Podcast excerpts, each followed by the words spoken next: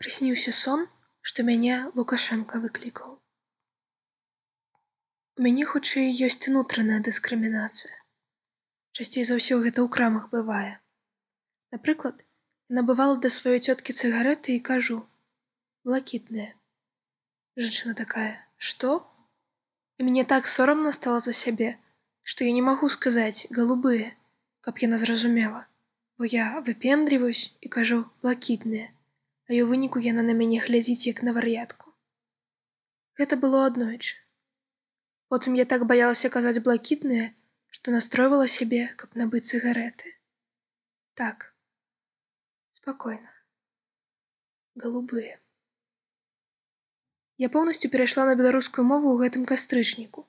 Да гэтага я размаўляла то на рускай, то на беларускай. А тут мне прысніўся сон, што мяне лукашенко выклікаў і сказаў, што ён адлічыў мяне з універсітэта і пазбавіў грамадзянства Беларусі. Я так горка плакала, прачнулася і плакала. І такая, так я больш не хачу. І вырашыла, што я поўнасцю перайду на мову. І вось прайшло больш за два месяцы. А я ўсё роўна бачу, як людзі вакол мяне, нават тыя, хто ведае, што звычайна размаўляю на беларускай мове. Што? Я ў адказ. Ну так, Гэта беларуская мова, афіцыйна дзяржаўная мова. Яны, ды гэта нейкі прыкол.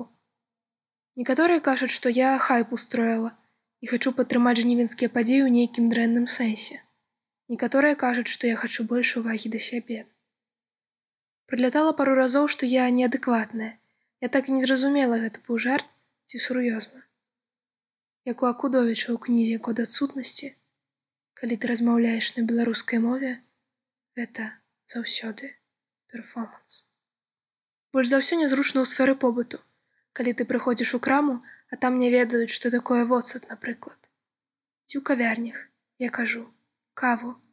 Яны перапытваюць какао. Яна 21 год студэнтка гістарычнага факультэта. Воцат. Каб з'явілася добрае віно, неабходны добры вінаграднік, вінаградар, і праца. Віно патрабуе сваё месца, свой час і сваю тэмпературу.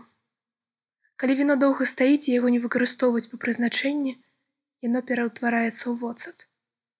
Калі не карыстацца роднай мовай, такім воцатам становіцца чалавек кіслым і без паходжання.